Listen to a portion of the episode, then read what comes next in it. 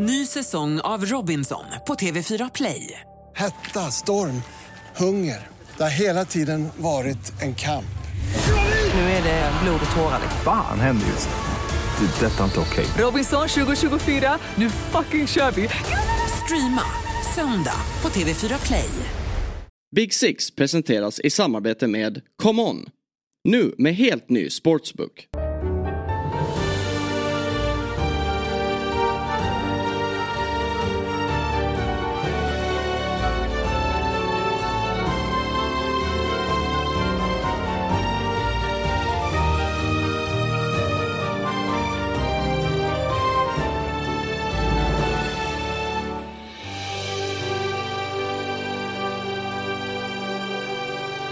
Hjärtligt välkomna till ett nytt avsnitt av Big Six. Idag tillsammans med mig, Viktor Enberg. Karl Hultin sitter i studion. Ja. Hej, hur mår du? Hej, hur mår du? Jag mår bra. Ja. Vad hade varit skönt att inte ha någon fotboll att följa som Chelsea-supporter idag? eller, ja, eller du har väl följt fotboll? Jag har följt fotboll men inte mitt egna. Mer objektivt. Ja exakt, involvera några känslor och det kan vara rätt gött ibland att bara sätta sig i co-pilot-stolen istället. Mm. Ja, det kan jag verkligen eh, hålla med om. Och vi har eh, en gäst i studion idag. Om man kollade på Big Six när vi sände det rörligt, det känns som århundraden sedan nu, men det är faktiskt ett tag sedan. Så gästade han oss ett gäng gånger. Julian Debris, välkommen tillbaks till Big Six. Tack så mycket. Hur eh, står det till?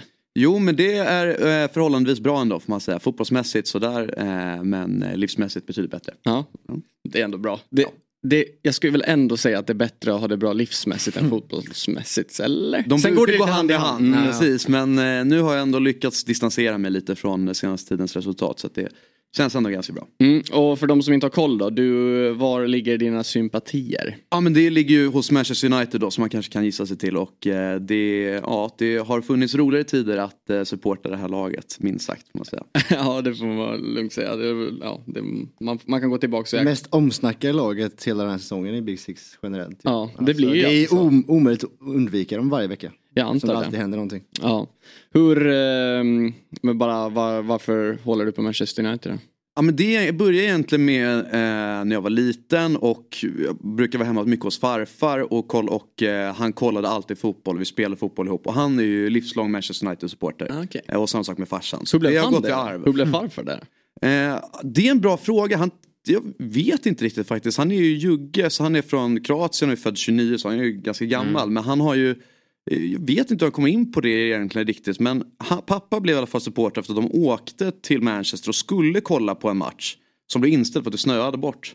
Så de vill kolla på, jag tror Fulham mot Oldham istället när eh, George Best spelade där. Oj, då. det Så det, ja, så att det fanns eh, att bli tidigare. Så på den vägen var det för honom och sen har man väl fått ärva den tröjan helt enkelt.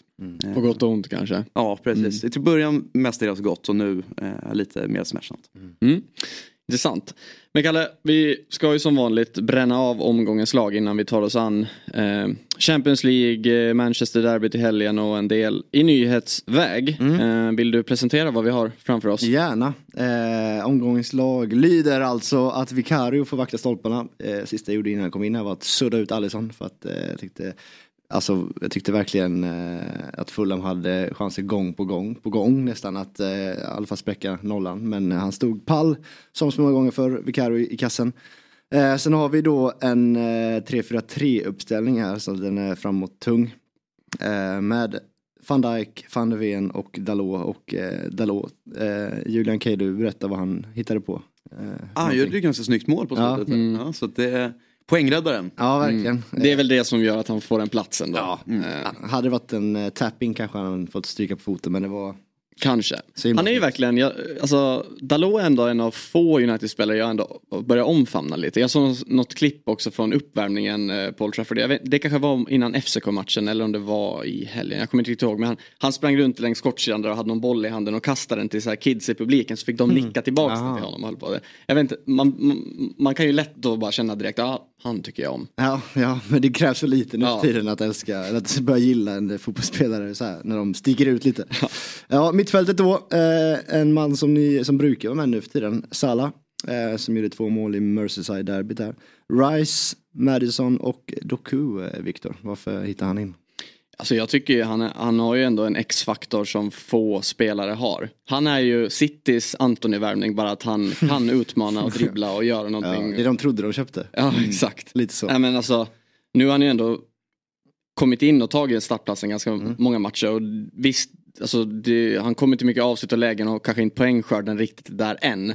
Men som sagt, han har ju någonting som väl, ja men kanske en procent av spelarna i Premier League har. Mm. Just med den låga tyngdpunkten och speeden och hur han utmanar. Så ja, det är en otroligt bra värvning och jag tror att han, han kommer ju vara, kommer bli livsfarlig. Mm. Vi kommer få se honom fler gånger i omgångens lag. Ja men det tror jag. Jag tycker det är också en väldigt bra värvning i och med att han sticker ut på ett sånt sätt att han, ju, han har ju sina största egenskaper mot en spelet och är väldigt, väldigt duktig dels på att ta sig till lägen men också att när han väl kommer i de lägena att han tar sig förbi. Och han, det är ju en, en egenskap som ganska få spelare i alla fall off, där i den offensiven kan bidra med. Men om man jämför med till exempel Foden eller Bernardo Silva eller typ Julian Alvarez som spelade lite förra säsongen på högerkanten visserligen. Eh, Och Grealish verkligen. och, och Grealish som- också, precis. Som är lite mer det här att om vi håller i bollen spelet och lite mer kontrollera matchbilden så bidrar han med någonting helt annat. Och det tycker i alla fall jag har varit väldigt roligt att se. Mm. Och sen också ha en sån spelare som honom och byta in i matcher Mm. när man gör någonting. Så här, du vet om du är trött som ytterback och så ser du att han ska hoppa in. Det är inget roligt. Mardrömmen. Det är inte roligt. Nej. Och då eh, tremannaanfallet eh, består av eh, Cole Palmer från Chelsea som gjorde mål från straffpunkten återigen. Eh, Jong Min Son som fortsätter att leverera och då Julian Alvarez som eh, ja, fortsätter bara ösa i mål Mm. i City. Lite turligt hans mål såklart men ja, han är ju också väldigt, väldigt bra. Ja. Du, vad känns det med kring Palmer då, Kalle? ja men fan vad han har skjutit sig rakt in i hjärtat Ja. hos oss. Alltså, jag var Tycker det var konstigt att han byttes ut. Ja, eh, det var väl bara för att vi skulle börja försvara. Eh, Ja. Men det gick ju sådär. Men eh, alltså älskar verkligen Palmer. Eh, jag trodde väldigt lite om honom när han kom. Dels för att man har inte fått se så mycket av honom. Han har ju knappt spelat i ligan utan mest i kupper och så vidare. Men började i säsongen otroligt bra. Eh, gjorde mål i både community och supercupen väl. Eh, och sen så tycker jag, det så, han ser inte riktigt ut som en fotbollsspelare heller. Han är lång och tanig liksom, och man, man ser liksom inte, åh oh, det här är en flärdfull yt- ytter liksom. Eh, men eh, han har verkligen överraskat positivt och eh, framförallt vid hans kyla vid straffpunkten som liksom 20-åring att eh, kliva Han- fram. Han ser ju lite ut till fysiken och med längden så du säger som en Kai Havertz. Ja, bara att han, mm, är tio han, gånger bättre Ja men lite så. fotboll. Han får saker gjorda. Ja, nej men verkligen och det som utmärkte honom tycker jag mot Arsenal, han spelade som falsk nia vilket han typ aldrig gjort i seniorfotboll. Och det som ja, verkligen imponerade på mig var liksom hans länkspel med eh, de, sina yttrar liksom. Att han droppar ner och sen så lite sån här Eden Hazard-klackar eh, vidare. Men som sitter också för att man blir jävligt frustrerad när någon klackar lite nonchalant och den försvinner liksom. Han hade verkligen en tanke bakom allt han gjorde och eh, var väl första halvleks bästa spelare i alla fall. Eh, tycker jag. Han har ju riktigt, riktigt fin den klacken i första halvlek Ja. till eh, Sterling tror jag. Ja. Jag tycker också det finns en jätteintressant situation med Pochettino när bollen går till inkast Ja. och han verkligen omfamnar honom och liksom klappar honom på ryggen. Och man ser att han försöker bygga upp honom och att han vill ge honom det förtroendet. Och det är jäkligt kul att se när han kommer från ett lag som sitter där det är svårt att slå sig in och kanske få samma förtroende. Att han nu kommer till ett lag som är lite steg ner förmodligen i hierarkin men han får betydligt större roll. Och Ja. Det är kul att se nya spelare komma Han fram. verkligen och tar liksom- den också, Ja, verkligen. chansen. Det var kul med, med tanke på att han kramades där, Pochettino och Cole för efter matchen, när han, eller inte, eh, i slutet av matchen när Arsenal gör 2-2 och han sitter på bänken. Så blir han ju så lack och håller en vattenflaska i handen som han bara skickar utan att kolla. Och den landar ju på Pochettino. Ja, så att han, gick, han fick, fick gå ut och ursäkta sig själv efter i en intervju liksom. Bara, "Nej, det var inte meningen, jag siktade inte utan det bara föll mig in liksom när vi släppte in 2-2 liksom. Så att jag hoppas de är lika goda vänner nu ändå. Eh, trots vattenflaska incidenten där. Men där har du omgångens lag i alla fall, eh, omgång 9. Mm, grattis till alla er. ja.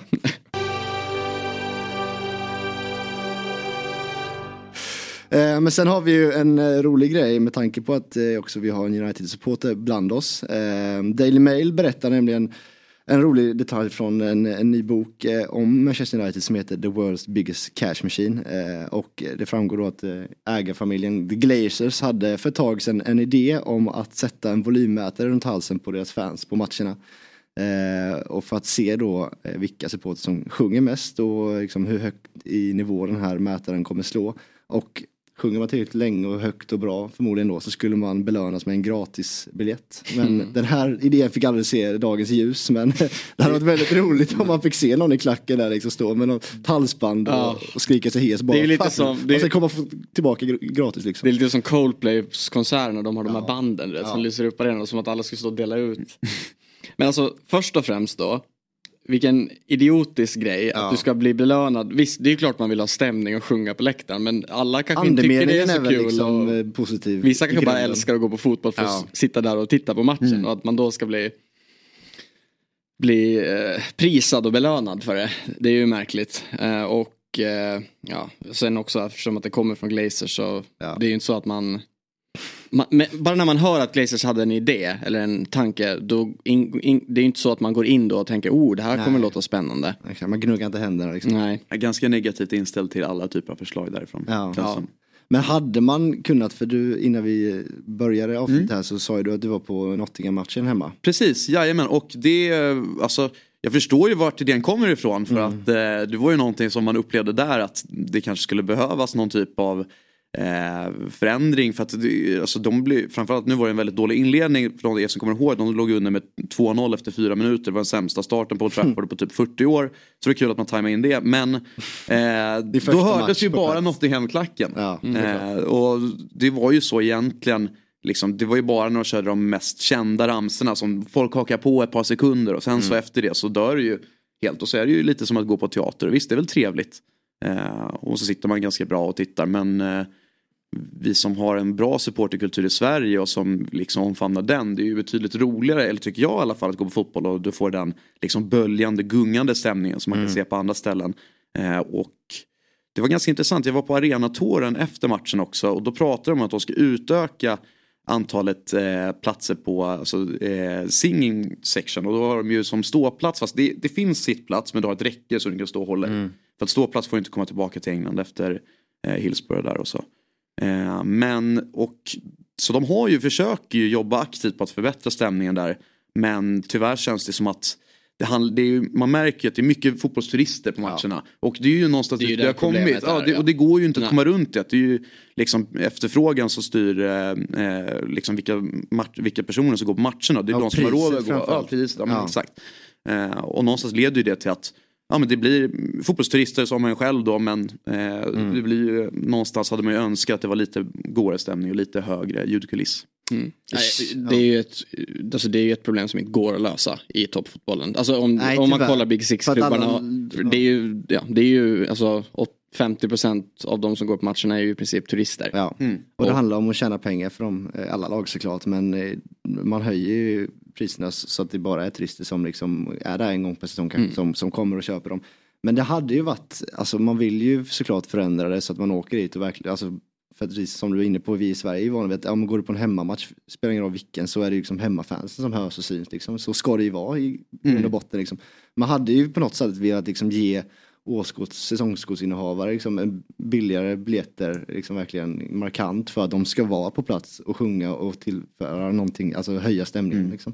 På något sätt. Men det är väl liksom så enkelt att eh, de vill tjäna pengar helt enkelt och då eh, funkar inte det. Mm, nu skjuter jag lite från höften men jag tror att United är typ femte eller något sånt där billigaste säsongsplåtarna faktiskt. Jag tror att det var jag tror Liverpool hade billigast. Ja, Eh, jag har för mig jag såg ja. också en lista på och Arsenal hade nästan dyrast. Ja precis, något sånt jag känner igen det också. Eh, Ja men det är ju, man måste nog ner i divisionerna eller se de, vad ska man säga, mindre klubbarna men alla, i, i Premier League om man vill ha den stämningen. Ja. Eller åka På på bortamatcher. i alla fall. Alltså, för att bortamatcherna är ju alltid bra. Så, är, så är det ju, där har ju United bland de bättre bortaföljarna i Mm. Ja, Premier League. men- det är ju väldigt många eh, som åker på bortamatcherna som men, har slutat gå på hemmamatcherna. Ja. För att man, ja, man tröttnat på. Mm.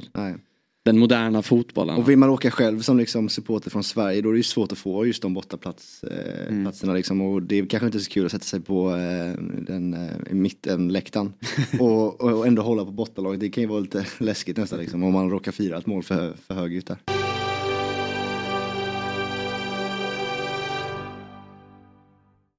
Ny säsong av Robinson på TV4 Play. Hetta, storm, hunger. Det har hela tiden varit en kamp.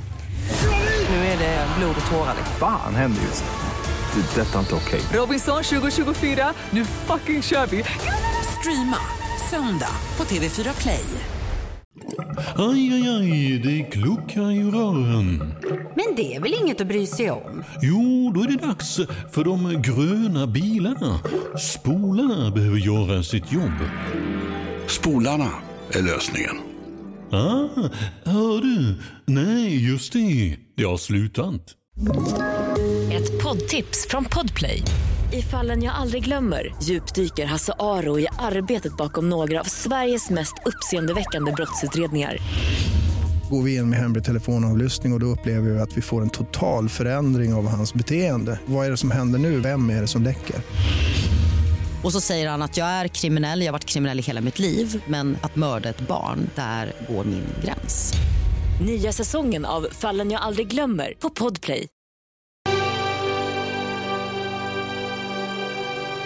Innan vi tar oss an Champions League-fotbollen så behöver vi väl ändå landa lite kort i alla fall i måndagens match som avrundade den nionde omgången. Det var Tottenham som tog emot Fulham på Tottenham Hotspur Stadium. Man vann 2-0.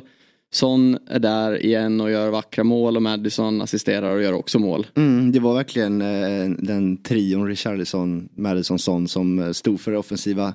Kulusevski var nära flera gånger men fick inte riktigt eh, till det när det kom till avslut. Annars så är ju han verkligen, de har ju verkligen hittat en offensiv fyra nu som med livsfarlig offensivt. Eh, men det, det coola med den här matchen för Tottenham-supportrar då är ju att eh, man tar ytterligare en trea här och nu är Postecoglou den bästa nykomlingen i, eh, i ligan som tränare som tagit flest poäng efter nio omgångar. Eh, och det är hyfsad liksom eh, konkurrenter han möter också. Där. Mm. Tvåan är Gus Hiddink med Chelsea eh, säsongen 08-09. Sen tvåan är Mike Walker i Norwich 92-93. Det kommer inte vi ihåg eh, så mycket av kanske. Men sen på listan eh, delad fjärdeplatser på 21 poäng är liksom Carlo Ancelotti, Chelsea, Sarri, Chelsea, Tuchel, Chelsea, Unai Emery, Arsenal eh, också. Så mm. att, eh, någonting kanske inte Tottenham-supportrarna trodde inför säsongen att eh, det här rekordet skulle slås.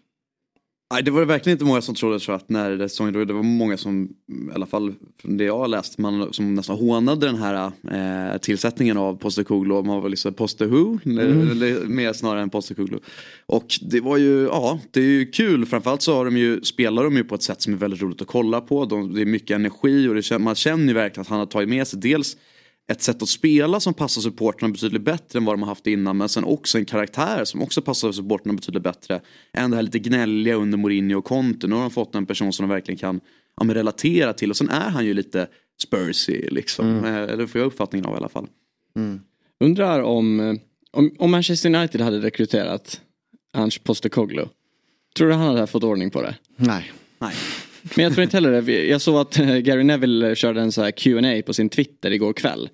Och, och, han, får, han, valde att svara på ganska många frågor eh, ja, men, kring United och eh, prestationer och sådär. Och varje fråga landade han ju bara i att nej det hade ändå inte gått under den här ledningen. Han, han refererar ju alltid till det. Ja. Och hur klubben sköts runt omkring. Men det, det, är ju, det är ju intressant när man ändå ser den här typen av tränare kunna ja, men, göra så här som han gör. Och jag menar, eller vilken tränare som helst egentligen som når framgångar. Jag tror faktiskt inte heller det. Jag tror inte hade, jag tror inte hade lyft. Nej, Eh, och det är ju så svårt att, att veta såklart egentligen hur det ser ut bakom eh, stängda dörrar. Eh, men det känns ju som att det, vilken tränare, alltså sen Sir Alex, det är alltid det man refererar tillbaks till liksom. Men det, ingen har ju liksom kunnat lyfta på det till eh, det positivt helt 100%. Liksom. Ten Hag gjorde ju en supersäsong förra säsongen där få trodde att de skulle ta sig till Champions och sen trodde man att det här året skulle växlas upp ännu till liksom. Det är det logiska att man, man tar det mm. bästa och, och gör det ännu bättre liksom. Men nu är man nästan tillbaks eh, där man började någonstans. Eller hur upplever du det? Ja, oh, det är ju den här man kände ju lite förra säsongen med den katastrofala starten vi hade då att det, ja, men den här säsongen måste börja betydligt bättre. Och sen när det började ganska dåligt här med matchen mot Wolves som visserligen genererade tre poäng men som var en ganska dålig insats och som också med den här omsnackade straffsituationen med Onana. Så känns det som att eh, nu, man trodde ändå att de skulle ta sig ur det här, det här men de spelar ju betydligt sämre än vad de gjorde i inledningen. Och till skillnad från förra året när vi såg ett tydligt trendbrott efter typ eh, tredje, fjärde matchen så tycker jag nu att det, det, liksom, det är en tydlig nedåtgående trend som egentligen fortsätter kontinuerligt och eh, ja, man får se vart det hamnar lite för det ser ju inte bra ut just nu. Nej, hur känner du när man nu krampaktigt vinner de här matcherna mot bottenlag i ligan, bottenlag i Champions League får man väl ändå kalla FCK. Mm. Ja, med all respekt. Ja. Att man kommer undan då med tre poäng. Känner du att ah, nu köper han sig bara mer tid? Lite som Solskär alltid kände som att han gjorde. Han var nära att försvinna bort och så löste han någon seger och sådär. Eller ja, tror, tror du på det? Alltså långsiktigt så måste jag ändå säga nej. Jag tror att någonstans så verkar det inte finnas, någonstans så hoppades man ändå att det skulle finnas en tydlig eh, liksom positiv eh, liksom förändring för förra säsongen. Och, no, och förra säsongen var också lite en kompromiss ska vi komma ihåg. Att många hade ju den förväntningen på honom att han skulle komma in och spela en lite mer typ pep-brand av fotboll av, med stort bollinnehav. Eh, han pratade väldigt mycket om proaktivitet som var hans nyckelord verkligen när han eh, tillsattes om att ja, men vi ska vara ett lag som för matcher, vi ska med vårt spel eh, låta motståndaren anpassa sig till oss snarare tvärtom. Och vi såg förra säsongen att det var ju inte det som var det som blev vägvinnande utan det var ju när de anpassade efter motståndarna, precis som under Solskär, som det gav resultat och de blev mer ett omställningslag, spelade betydligt tajtare. Och nu var ju tanken med Onana, med Mount, att man skulle få in li, lite mer liksom, eh, proaktivt spel och det har de ju inte lyckats med alls. Det ser ju liksom, det är ju betydligt mer reaktivt nu och man är väldigt beroende av att de andra lagen gör misstag för att man ens ska skapa målchanser. De har väldigt svårt att komma till egna lägen eh, från bra spel. Mm. Men det är också någonting som förmodligen liksom förstör mycket i hur Ten Hag vill spela är ju att liksom backlinjen har ju sett ut annorlunda varje match Mm. känns det ju som. Så är det ju. Alltså, Mm. Lisandro Martinez har gjort någon match men blivit skadad längre tid. Varane är in och ut på grund av skador. Sen så har man ju dödkött nästan kan man ju, alltså så här, Maguire försökte de bli av med. Johnny Evans är där från ingenstans igen och sen så Lindelöf som de aldrig riktigt ger chansen och inte riktigt heller tar den. Eh, så att, och sen så Malaysia, varit långtidsskadad, Luke Shaw, samma sak. Man har fått eh, ta in Region som vänsterback. Han, är- ja. Han har också varit skadad. Ja, nu var han och sen, tillbaka och sen på liksom, ja men högerbacken får spela vänsterback och så vidare. Så det förstör ju såklart. Det hjälper inte, speciellt inte Onana heller i målet som en ny målvakt med allt vad det innebär. Liksom. Så det har ju också stjälpt honom i starten. Så hur mycket liksom, är det ett problem av det hela, tycker du? Det är klart det påverkar jättemycket och sen framförallt hela den här idén med att Onana över de Gea var att du skulle få in en målvakt som betyder tryggare än bollen för att du hade, man tyckte att man hade de andra bitarna på plats. Sen när Varann som man kanske, kanske inte är världens spelskickligaste men han håller ändå i det egna spelet och Martinez som är väldigt duktig där när båda de har saknats och det istället blir Evans Maguire då förstår man att de kanske skippar att spela bollen via mittbacken Mm. och pumpar den långt istället för att eh, det är så det har sett ut lite senaste tiden. Mm. Och någonstans var man hoppades att de skulle kunna, för de hade ju problem förra året med att lag pressade dem högt, till exempel som mot Brentford i eh, match nummer två. Och sen så tappade de, ja men de behövde slå långa bollar för de kunde inte lösa det på egen planhalva. Och nu när man fått in rätt målvakt så kan man fortfarande inte lösa de problemen. Man sitter fortfarande i samma sits men med en liksom sämre, mm, ja, sämre linjemålvakt. Mm. För de Gea har ju visat sig ja, det var, trodde man väl ändå på förhand också att det han var ju faktiskt väldigt, väldigt bra på linjen. Sen hade han många andra svagheter i sitt spel. Men på, liksom, som målvakt att rädda skott har han ju alltid varit en av de bästa. Sen var han ganska svag förra säsongen. Men, eh, Höll ändå flest nollor. Ja, höll ändå flest nollor, otroligt nog. Ja, han gjorde ju jättemånga tavlor också. Jag Ja, kommer ihåg ja, mot ja. West Ham när han tappar in den, liksom, Ja. tvålar dit den. Eller, eh, ja. Mm. Det är intressant det där också tycker jag när man Det är ju det är, det är uttjatat det här med eh, målvakt med, som är bra med fötterna. Men vad är det egentligen då som är det som ska vara bra med att vara bra med fötterna? Är det, för det kan man ändå, tycker jag ändå man såg ganska mycket mot FCK när Onana slog de här långa bollarna. Att han, det De gör han ju bra, liksom, alltså, ja. verkligen.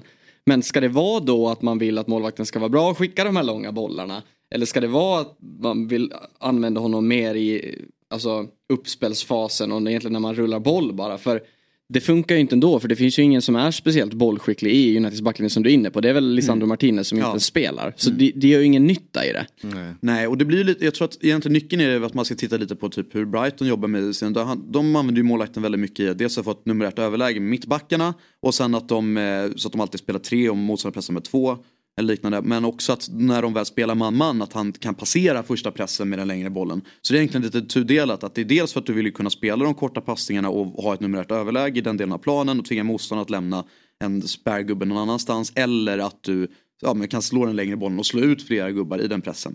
Eh, och jag tycker ändå om man tittar på typ CL-finalen för förra året så är det ju ett ganska, en tydlig indikation på vad, man, vad tanken var i alla fall.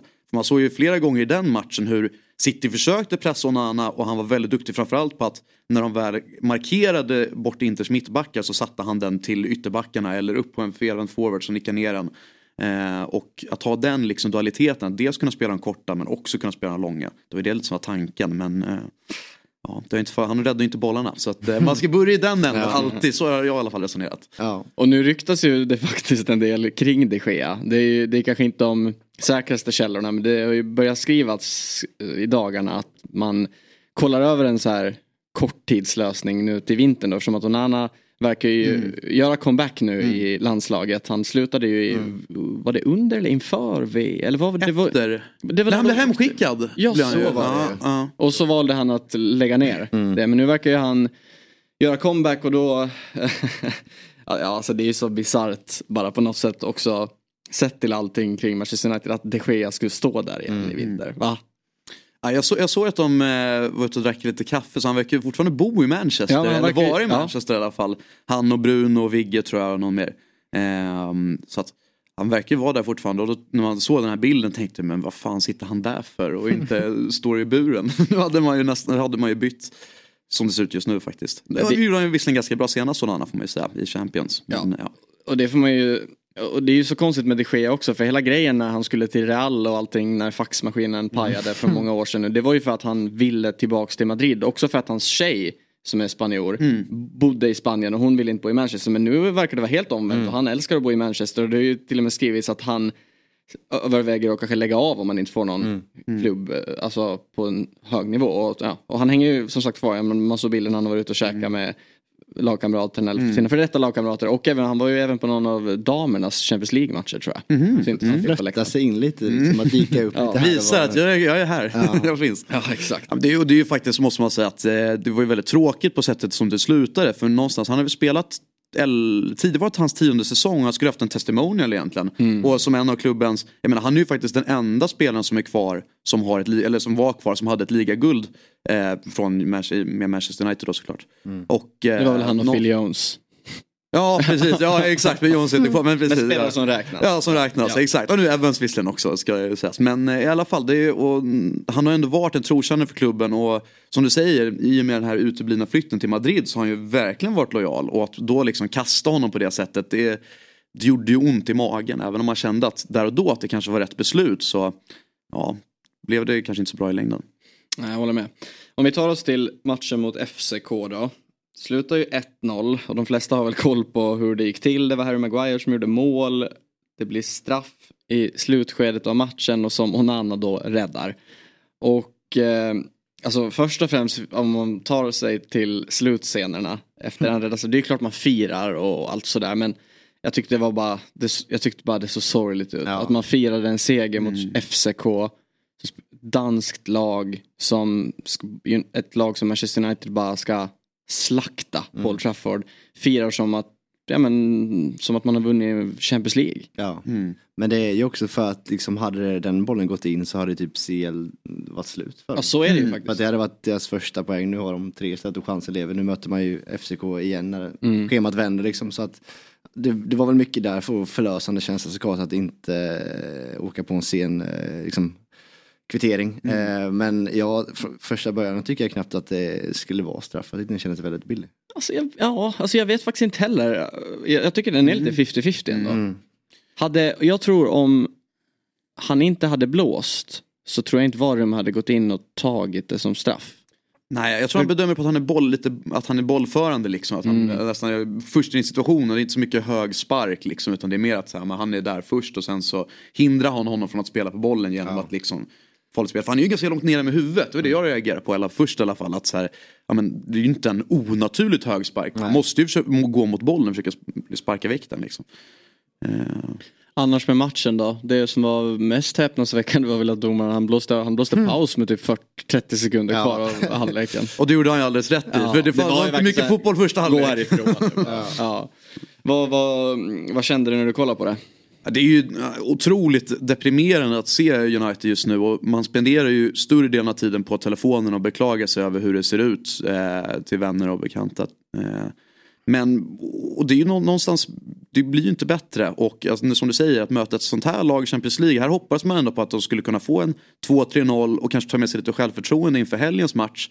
Som inte kommer bli lika enkel som den här matchen.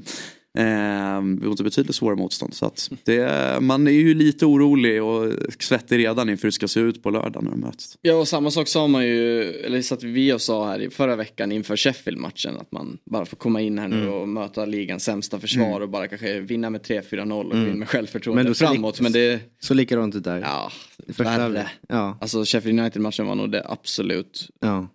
lågvatt, största lågvattenmärke. Men ja, jag vet inte. Det var ju, det var ju som, som du säger att ändå det lever vidare. Mm. Att kunna ta sig vidare i den här gruppen. Men utöver det, jag vet inte. Alltså att Antoni fortfarande alltid får en startplats. Alltså, han är, kom, jag antar att ni också spelade fotboll när man var yngre Mm. som pojklag. Och det var ju oftast någons farsa som tränade lagen.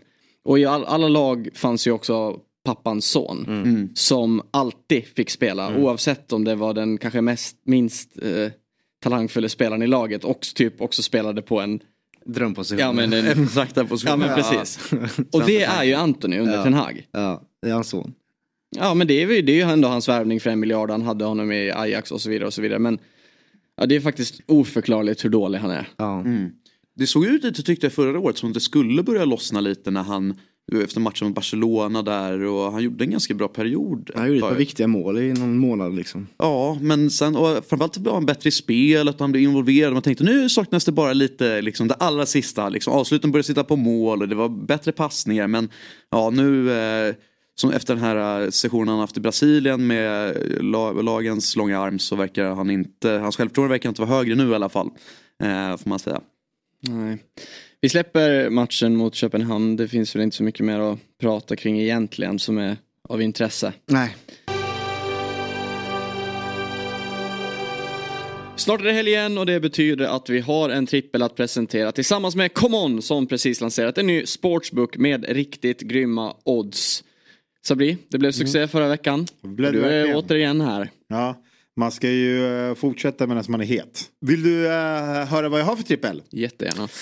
Eh, match nummer ett, då tänker jag Newcastle, Wolverhampton. Eh, Newcastle med en jobbig match i benen från Champions League här tidigare. Wolverhampton i fyra av fyra matcher de spelar båda lagen mål på hemmaplan. Men jag tror ändå att Newcastle drar det längsta strået. Så vi har Newcastle att vinna, men att båda lagen gör mål. Vi såg Dortmund vara vassa i omställningarna. Wolverhampton har också det där i sig. Så en boll eh, får Wolverhampton in, men Newcastle vinner till slut eh, den matchen. Nummer två på den kupongen är Aston Villa, Luton.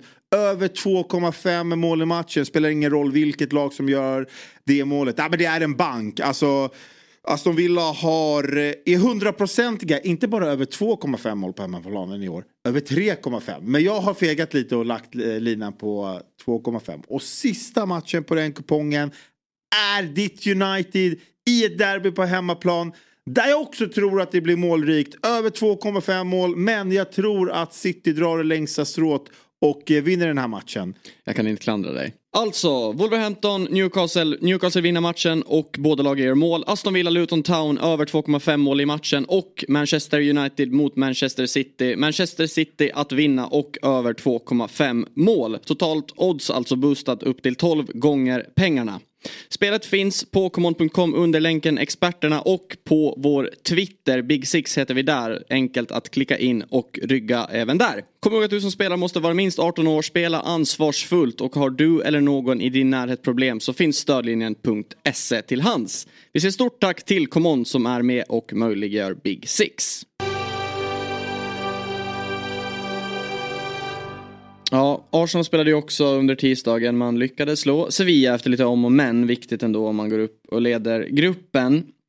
Och ja, det är ju ändå en grupp de bara skulle ha städat av så Skönt för dem och ska man foka på bara ta de här tre poängen och gå vidare egentligen. Ja, men det var väl också gruppens svåraste match. Så är det Sevilla borta liksom, så det är himla starkt eh, att åka dit och vinna. En, jag satt ju och kollade på den här för att jag tänkte att du sitter ju och kollar på United såklart, så då tar jag jobbet och, Ah. och kollar Arsenal. eh, och jag, och liksom, Raja var ju helgens, eh, en av helgens rubriker liksom för att han eh, hade ett par misstag i sig mot Chelsea. Och sen så tog ju Sanchez eh, en del av den kakan också, så de delade på den efter matchen. Eh, men han har ju några, liksom, när vi ändå snackar lite om eh, målvaktsspel med fötterna. Han har ju några passningar med som liksom eh, som håller på att gå illa liksom. Eh, så att, ja, klart att Arteta fortfarande ger han förtroende liksom så här, för att det är ju som hans gubbe likt Anthony och Ten Hag i United liksom. Men man undrar hur, hur länge man kan få hålla på innan liksom det, det är dags för ett byte igen liksom. Eh, och Ramsday som var en av ligans bästa målvakter förra året i, enligt mig. Eh, har ju blivit ryktenas man nu såklart. Eh, Till Chelsea också. Ja, att det, det kommer upp rykten att liksom Chelsea ska plocka in Ni honom. bara värvar mellan varandra. det är ju det enda ni gör. Ja, de brukar ju ta vårt dödkött, vi tar inte så mycket av dem. Egentligen. Nej. Nej. Nej, det kanske är faktiskt sant. Vi Det är bara mest Catholic Goal, typ, Ja, är- och det var himla länge sedan. Ja. Liksom. Men eh, så att det, har ju, det blir säkert, det är säkert mer rykten än vad det ligger sanning i det. Eh, för att det är lätt att, och ett plus ett liksom. Eh, men jag, alltså, jag tyckte Ramsey var jävligt bra förra säsongen. Jag har inte tvekat på att ta in honom om man fick honom till ett bra pris liksom. Eh, faktiskt. Man håller honom lite högre än Sanchez kanske. Ja, hittills i alla fall. Ja.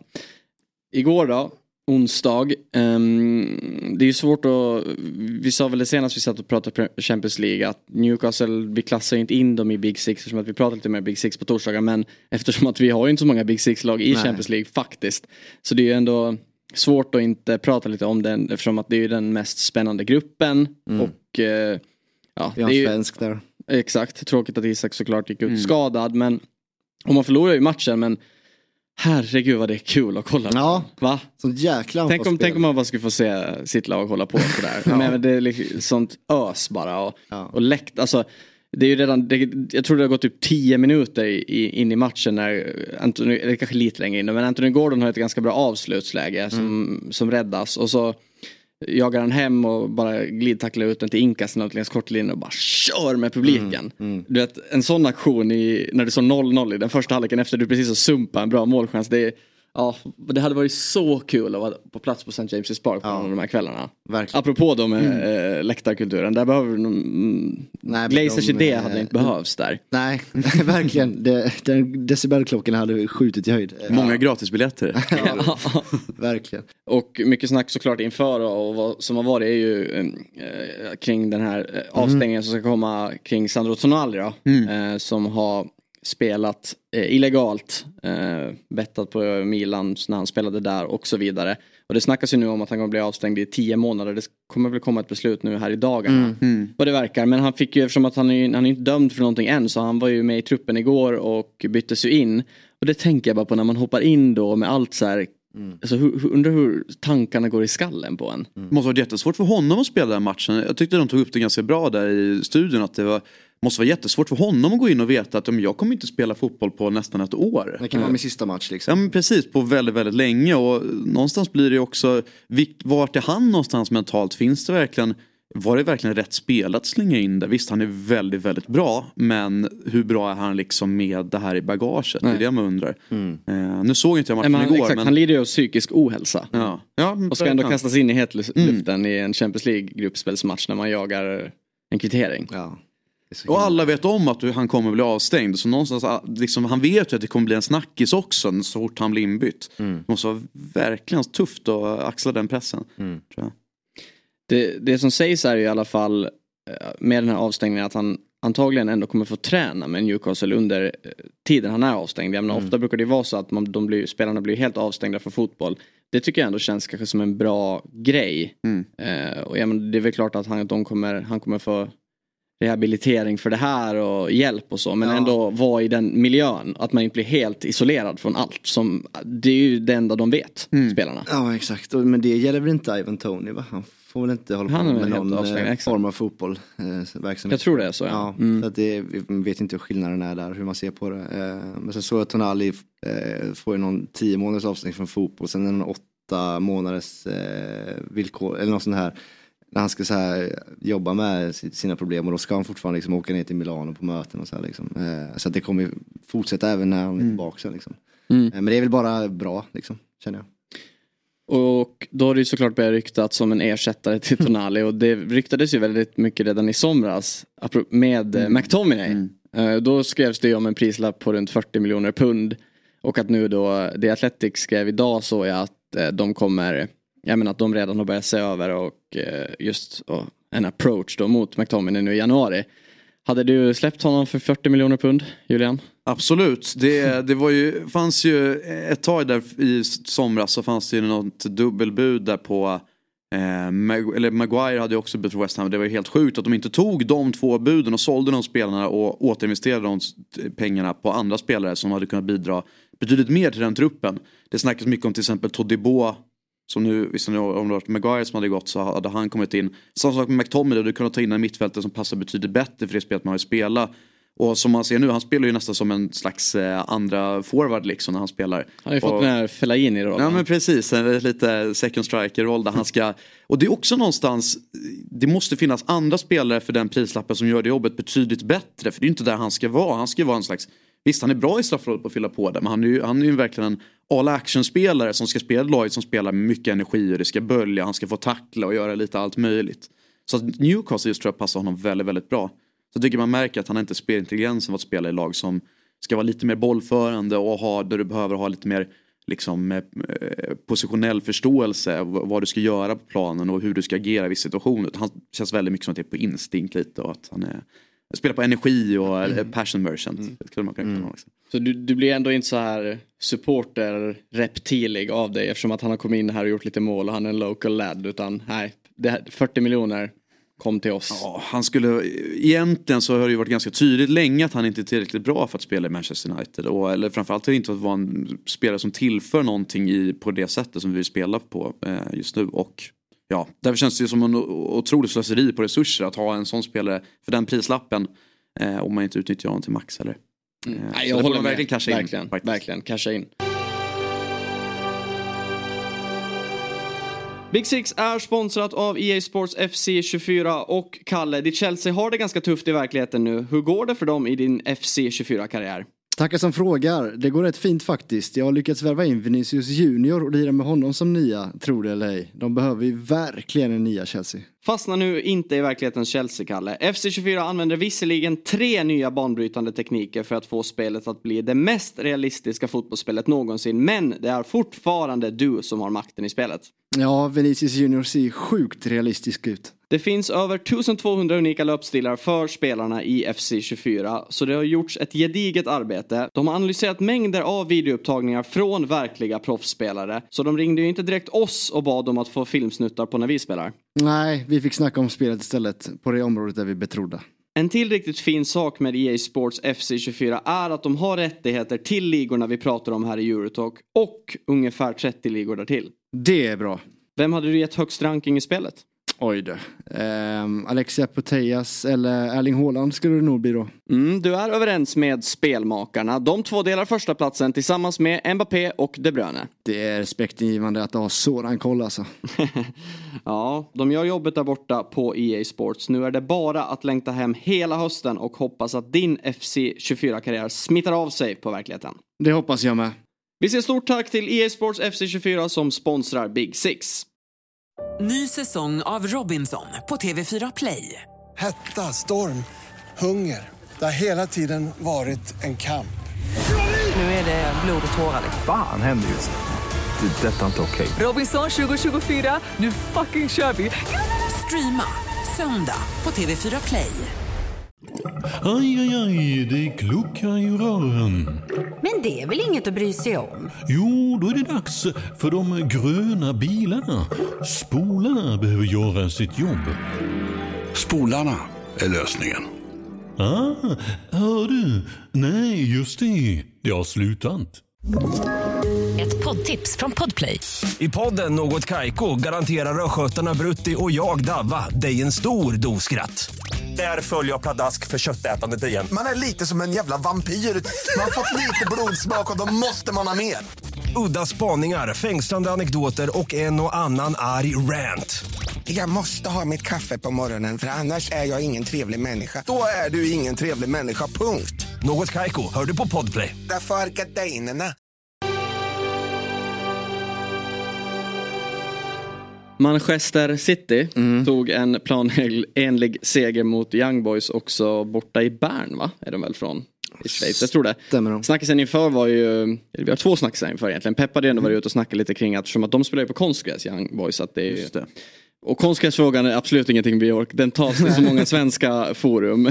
Vi lämnar kopplat till fotboll så vi låter det vara där. Men det är i alla fall, de spelar i alla fall konstgräs. Man kan i alla fall nämna det. Men man vinner ju matchen eh, ganska enkelt såklart. Eller ja, de släpper ändå inte mål. Men Haaland får göra mål. Han har inte gjort mål sedan andra kvartsfinalen i Champions League Mm. förra säsongen. Så det är ju ändå någonting. Men det de flesta fastnade för med den här matchen var ju Citys ankomst-outfit. Mm.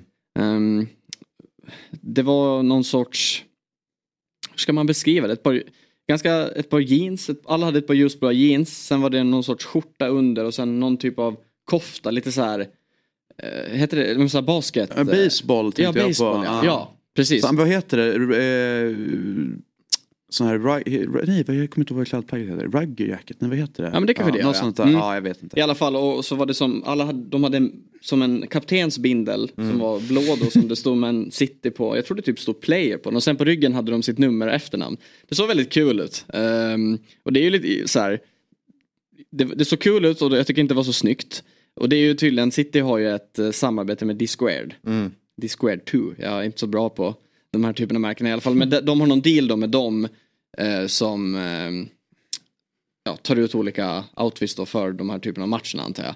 Men det var, det var inte så snyggt i alla fall. Nej, och man undrar ju typ om de kanske gjorde det för att just de ska Säkert. sticka ut och få Säkert. lite marknadsföring. Det är Ja. väl så det funkar. Så de har ju lyckats med oss nu egentligen så vi kanske bara ska sätta punkt för det där. Man undrar ju för att Pep brukar ju stå i lustiga kläder med på sidlinjen och det är hans fru som håller på med kläddesign typ som tvingar på honom att Är det liksom, så? ja, marknadsföra Jaha. på matchen liksom. Du vet den här klassiska gråa Ja. l- med luva som ser ut att vara på fel håll typ. H&M-koftan. Ja, eh, det, det är hans fru tror jag som håller på med det.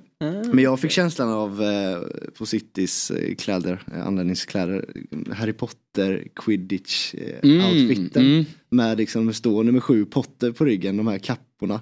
Som de har, om de som lyssnar kommer ihåg det. Alltså, det var det första jag tänkte på, att de har anammat den stilen. Typ. Att det var liksom Harry Potter som kom där med nummer sju inför quidditch game. Liksom. Annars brukar ju, men det, det blev en ganska stor grej på sociala medier när Barcelona ankommer till diverse matcher. De, har ju, de får ju klä sig lite hur de vill. Men ehm, när eh, Jules Condé alltid dyker upp, han, han, han verkar ju vara väldigt fashionintresserad och, och han ser ju också extremt cool ut. Har i sina- sett i sina outfits varje Ja. gång. Alltså. Ja. och det är superpopulärt i NBA också när man ser för de har ju så långa korridorer på vägen till arenan. Liksom, och där sitter ju foto fotograferna och fotar in och sådär. Där kan man se både sjuka outfits men också jävligt snygga. Liksom. Så Mm. att, eh, City har väl lite att lära.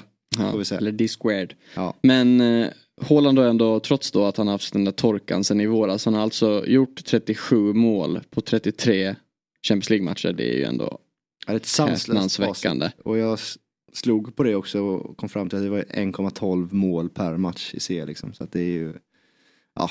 Otrolig utveckling du har gjort där. Det tog mig en timme tror jag att komma fram till. Men ehm, vet ni, kan, ni, kan ni på rak arm säga de som har gjort de topp fem mest mål i Champions League? Jag tror det är Ronaldo, Ja, Messi, givetvis. Van nej, kanske Van Nis- nej. nej, jo, Van nej, Raul måste vara en, eller? Benz kanske? Nej. Lewandowski är med där. Det Ni måste han ni har nämnt topp sex nu faktiskt. Är det så? Men vem, vem ska bort? Ni, Nej, ni, har alltså, ni har alltså nämnt eh, Benzema, Lewandowski, Raul, Messi och Ronaldo.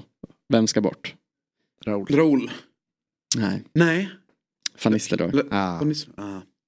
Och jag kanske Ja. glömde säga att ni hade nämnt Van Ja, Nistelrooy. Men jag nämnde men exakt, det var han var i den sjätte. Så det Ronaldo gjort, gjorde, för jag tror inte han kommer göra fler mål i Champions League. Nej. 140. Messi 129, han lär väl inte heller göra. Eller man vet ju aldrig. Snackas en liten upp i Barcelona där någon gång. Tillbakslåning. till- Lewandowski på 92, Benzema 90, Raul 71 och sen Rud van Nistelrooy Mm. på 56. Vet du vad vi hittar någon spelare som har representerat något av era två lag då? Vem kommer?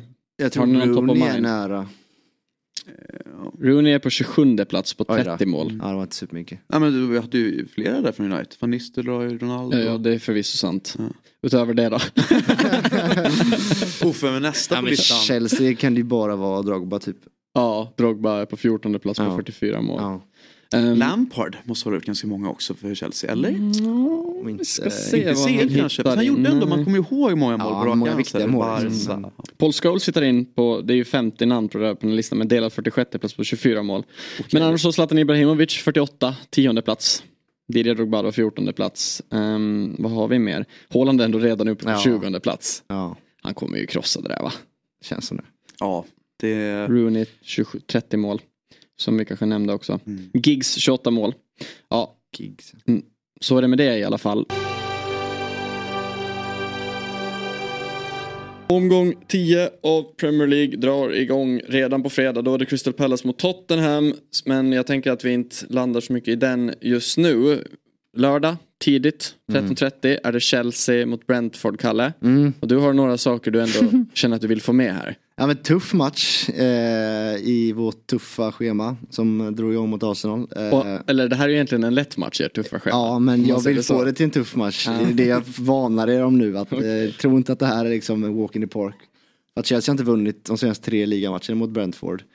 Eh, och det är ju de är, det är ett lag som väl känns som ett bättre lag när de möter bättre lag. Man kan säga så. De är bäst mot de bästa lagen. Eh, Mm. när de får ligga på kontring eh, liksom, eh, och vara fysiska och tuffa. Eh, så att den här har jag stor respekt för som supporter. Eh, verkligen. Eh, och sen har vi då comeback eh, för en viss domare. Simon Hooper som dömde eh, Tottenham-Liverpool-matchen. Ni alla vet vad som hände i den. Mm. Eh, blev ju avstängd och gör ju comeback såklart i den här matchen. Får ju se om han har en bättre dag, får vi hoppas på lördag. Men det är klart att liksom man går in med... Men var det han som var huvuddomare? Ja. Men var det hans fel då allt? Det är ju varummets fel. Jag tycker det måste väl ändå vara VAR-domaren som sitter, för han tittar ju inte på matchen tänker jag. Hur, hur, för han säger ja men han misslyckas ju med att förmedla det han Exakt. ska göra. Ja. Han måste ju någonstans fatta att när de liksom, ja men oh, goal allowed måste han ju bara, nej nej nej nej, nej nu, jag har ju sagt att det var liksom, eller förlåt, mål bortdömt. Då måste han ju säga att nej jag sa ju att det ska stå. Ja. Liksom. Och, Sen är det väl, han är ju inte med alls tycker Han jag. har väl med sig samma linje men antagligen. Det, man jobbar väl i team så. Och det är ju linjedomaren också som drar offsiden från början som inte är offside liksom. Så han har väl en del i Jo, jo men det är ju ett misstag. mi- misstag. Men såklart huvuddomaren kanske, Simon Hooper kanske är den minst som är minst. Ja, Justice få- för Simon Hooper, det är Ja. min favoritdomare. Men hans... Helt plötsligt. Ja. ja, i alla fall. Så är det med, med den saken. Men ja, som Chelsea-supporter så har man väl liksom eh, lite huvudbry eh, på så här lyxproblem för en gångs skull i anfallsled eftersom det är den offensiven har börjat stämma nu igen. Liksom, vi har vi har eh, Mudrik som har gjort 2 plus 2 senaste tre matcherna. Cole Palmer som vi snackade om innan har gjort 2 plus 1 och Sterling 1 plus 1 och då om han är snäll och ger han liksom antingen, eh, han fixar ju straffen mot, eller han slår inlägget i straffen eh, senast och sen så gör han ju, får han ju med sig ett självmål mot, mot Burnley liksom.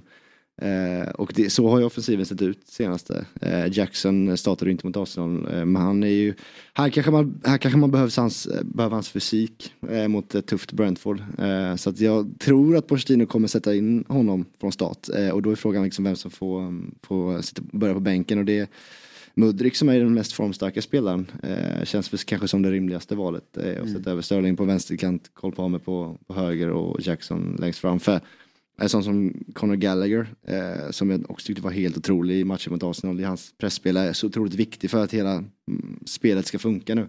Så att han tror jag inte man petar på liksom. Eh, och, utan då är det en Mudrik tyvärr som får börja på bänk. Tror jag. Mm.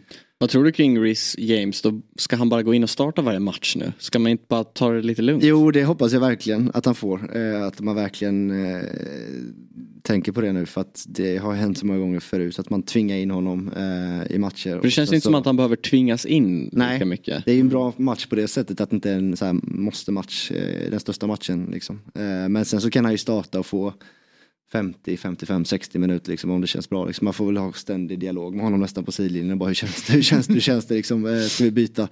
Eh, så att det inte händer någonting. Eh, nej men jag tror ändå han kommer starta eh, matchen. Men sen så får han ju förmodligen inte 90 minuter. Så det är ju verkligen positivt eh, för hela laget tror jag att deras kapten kommer tillbaka. Liksom, med allt vad det innebär. Eh, Men hur är det med Broja nu? Är han borta eller vad? Han startade i någon match? Han startade mot Fulham i mål. Eh, sen fick han någon sån här eh, liten känning och byttes ut mest i förebyggande syfte. Mm. Eh, men sen var han inte med mot Burnley och sen så blev han typ återkallad från landslagsuppehållet för att det var fortfarande lite så här halvstrul med honom. Mm.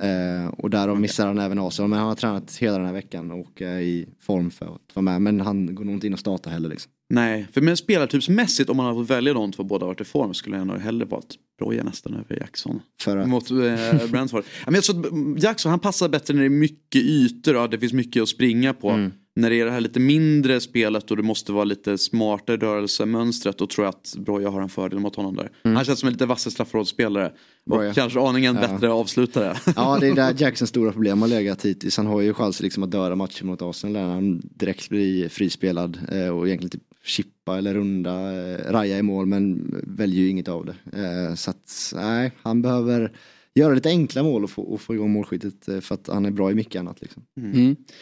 Vad tror du Julian, 16-0 spelar i Arsenal hemma mot Sheffield United.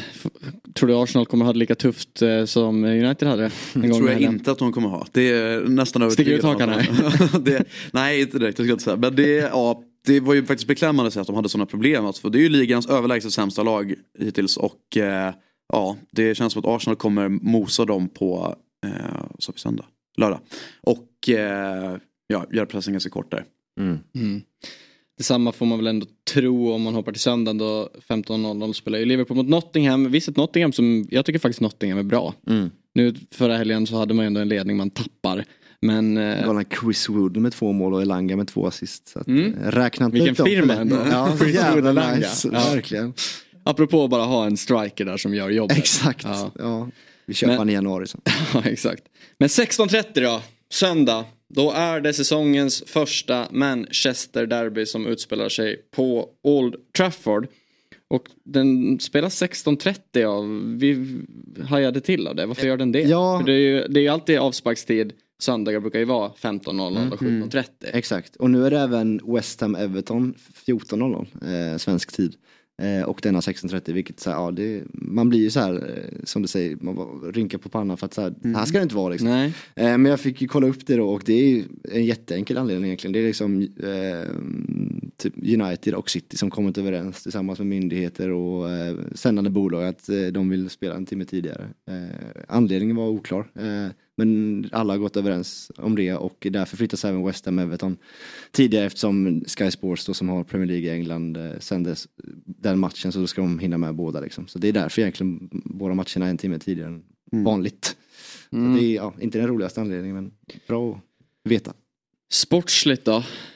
Hur vill du, vad, hur vill du, hur, hur vill du se United ställa upp? Vem vill du se spela? Nu finns det kanske inte så mycket alternativ överallt. Nej, det är ju de som är tillgängliga som spelar oftast. Nej, men jag hoppas att de väljer en väldigt eh, defensivt riktad elva så att man slipper någon sån här 07 För det är väl det man är mest rädd för just nu. Att Det det, var ju Årsta en... häromdagen för 6-1 matchen. Ja, och det är ju no, det är inte någonting man vill se igen. Eh, men det finns ju en stor risk att det här är, alltså, så som känslan har varit nu hittills under säsongen så har man ju känt att den här matchen kan bli otroligt jobbig att följa. Eh, och att det kan bli tårar och eh, en stor förlust på söndag. ja. Jag håller verkligen med. Eller så blir det en vändning på säsongen. Det är ju lite sådär. Ja. Det är ett derby och då kan allt hända. Ja. Ingångsvärdena är annorlunda. Mm, är- Men nej, de är inte det. Jag Det- tror när vi tippade under landslagsuppehållet så sa jag ändå att de kanske löser ett kryss. Men jag, det, alltså, det, alltså, sett till vad man har sett nu igår och i lördags. Ja, det är det ju- finns inte en möjlighet. Nej, nej, icke en möjlighet. Nej. Det ska vara helt omöjligt. Också med Ro- Rod, alltså kanske att om Rodri hade varit fortsatt avstängd. Ja. Att Då blir när man ändå såg hur tufft det var för City att vara utan honom. Men med honom tillbaka och Haaland gjorde lite mål nu i veckan. Och tänk, tänk den där högerkant eller vänsterkanten. Egentligen borde de ju sätta Doku, Doku, Doku till höger. Mm. För där kommer ju Vigge eller Amrabat spela. Eftersom att man inte har en, eller ja kanske Region ändå får starten. nu. Ja, Just det. Mm, Han ja. kanske får starten. Ja. Men ändå. Men ändå. Han är ju inte heller eh, liksom trygga sig. Jag hade mycket hellre sett att Shaw var där såklart. Men eh, den matchupen Doku mot Region känns som att den slutar på ett sätt. Och det är inte fördel Manchester United. Ja. Finns det någonting som talar för United då? Det, det Utöver att det är ett derby. Att, att man, eh, alltså, det är väl i så fall City, de kan, har ju en tendens att liksom vara lite, inte ojämna ska vi inte säga, men att de kan vara lite, såg mot Brighton senast när det stod 2-0, de var ju väldigt bra i första halvlek och sen så slår de ju av lite på takten och de är ju ganska överlägsna och det är ju någonstans deras egna förbannelse lite. Att de, liksom, de är så pass bra och de vet om att de är så mycket bättre än United just nu så att de går in med en liksom 80% inställning, det är ju det enda som är, eh, kan rädda oss på söndag helt enkelt. Däremot tror jag att eftersom de inte leder tabellen och eftersom de Eh, med Ro- Rodri tillbaka då som nämnde tidigare så tror jag att de eh, kommer att vara riktigt taggade på att göra en statement performance. Och då blir det många mål i baken på en annan. Ja det är ju lite egentligen det sämsta som kunde hända att Rodri blev avstängd de här Mm. matcherna inför här. Och att man har tappat lite, lite space i ligan ändå. Ja. Även fast jag ser ju fortfarande City som favorit att vinna Premier League. Men ja, att man också jagar en serieledning. Hur nära är Ten Hag dojan vid storförluster? Inte alls nära. Jag tror inte heller han är Nej. sån här. Jag tror att, men däremot om trenden fortsätter så här på samma sätt mot de andra. Jag tror den här matchen ur, ur sig självt liksom kommer inte ge några liksom direkta konsekvenser mot hur länge han får vara kvar. Eh, däremot tror jag att hur det ser ut efter det kommer vara väldigt avgörande. Eh, om de fortsätter på det här spåret då tror jag att hans dagar kan börja räknas ganska snart. Men däremot om de, om de även om de åker på en pumpen här och får, åker på en stor förlust så om de gör det betydligt bättre i nästkommande omgångar så kommer ju tonläget vara ett annat.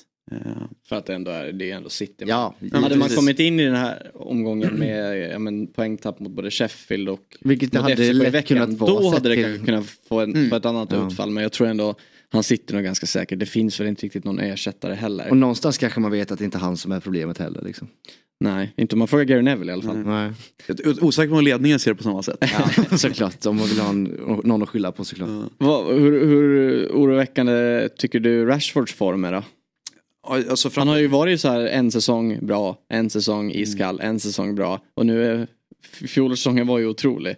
Och nu är han tillbaks på Han har varit iskall minst sagt. Jag tycker att första matcherna var han ganska bra i spelet där i inledningen och kom till lägen ändå. Och som matchen jag var på då var han ju riktigt bra mot Nottingham. Nu så, men framförallt tycker jag att han förlorar mycket mot en duell. Han har väldigt svårt att få ett övertag mot sin gubbe. Eh, när man såg den matchen mot Brentford när han mötte Ajer där på den sidan att han hade ju jätteproblem mot honom och det är ju inte, kanske, inte direkt ligans bästa försvarare där ute mot den utan det finns ju betydligt svårare motståndare. Så att eh, det var Hans insatser, precis som jag tycker Bruno har inte heller riktigt kommit upp i nivå. Han, har, han bidrar och skapar chanser men han är genomgående liksom ojämn i matcherna och i sina aktioner. Och någonstans så, det har alltid varit ett problem med honom att han, han har ju haft det här att X-faktorn lite, att han kan skapa någonting ur ingenting. Men någonstans blir det också problem för laget när han inte gör det på samma sätt och han dessutom missar eller slår bort bollar eller liksom ja, och sen hans generella attityd som lagkapten kan man ju ibland bli ganska frustrerad på. Eh, minst sagt. Vem hade du hellre sett som lagkapten om man I- Ingen, jag tycker han ska vara lagkapten. Samtidigt som man kan bli sjukt irriterad på hur han håller på och beter sig ibland. Så är han ju den, tycker jag i alla fall, som spelar med störst hjärta genomgående. Och man märker att han bryr sig och vill vinna. Så någonstans ingångsvärdet är bra. Men det han liksom, det det resulterar i är kanske inte optimalt. Det är lite för gnälligt och eh, um, barnsligt för min egen smak. Liksom. Jag vill hellre se att man står upp lite och leder laget snarare än att man eh, på, han är lite på för mycket på lagkamraterna kan jag också tycka. Att visst, man ska ställa krav, men det kan inte vara, så fort någon missar en passning så är det liksom väldigt mycket armar och yvig-rörelser. Eh, och han missar också ganska mycket. Så att, ja. Mm, det ska bli väldigt spännande i alla fall, antar jag. Och det är ju faktiskt eh, derbyt som avslutar den här omgången. Det blir ingen måndagsmatch eller någon match senare på söndagen. Så ja, det är bara för gänget på måndag att sätta sig ner och eh, ta sig igenom eh, allt som hände under helgen. Eh, så glöm inte bort att lyssna på Big Six på måndag. Tack för idag Kalle och Julian. Tack. Tackar. Vi ses på måndag.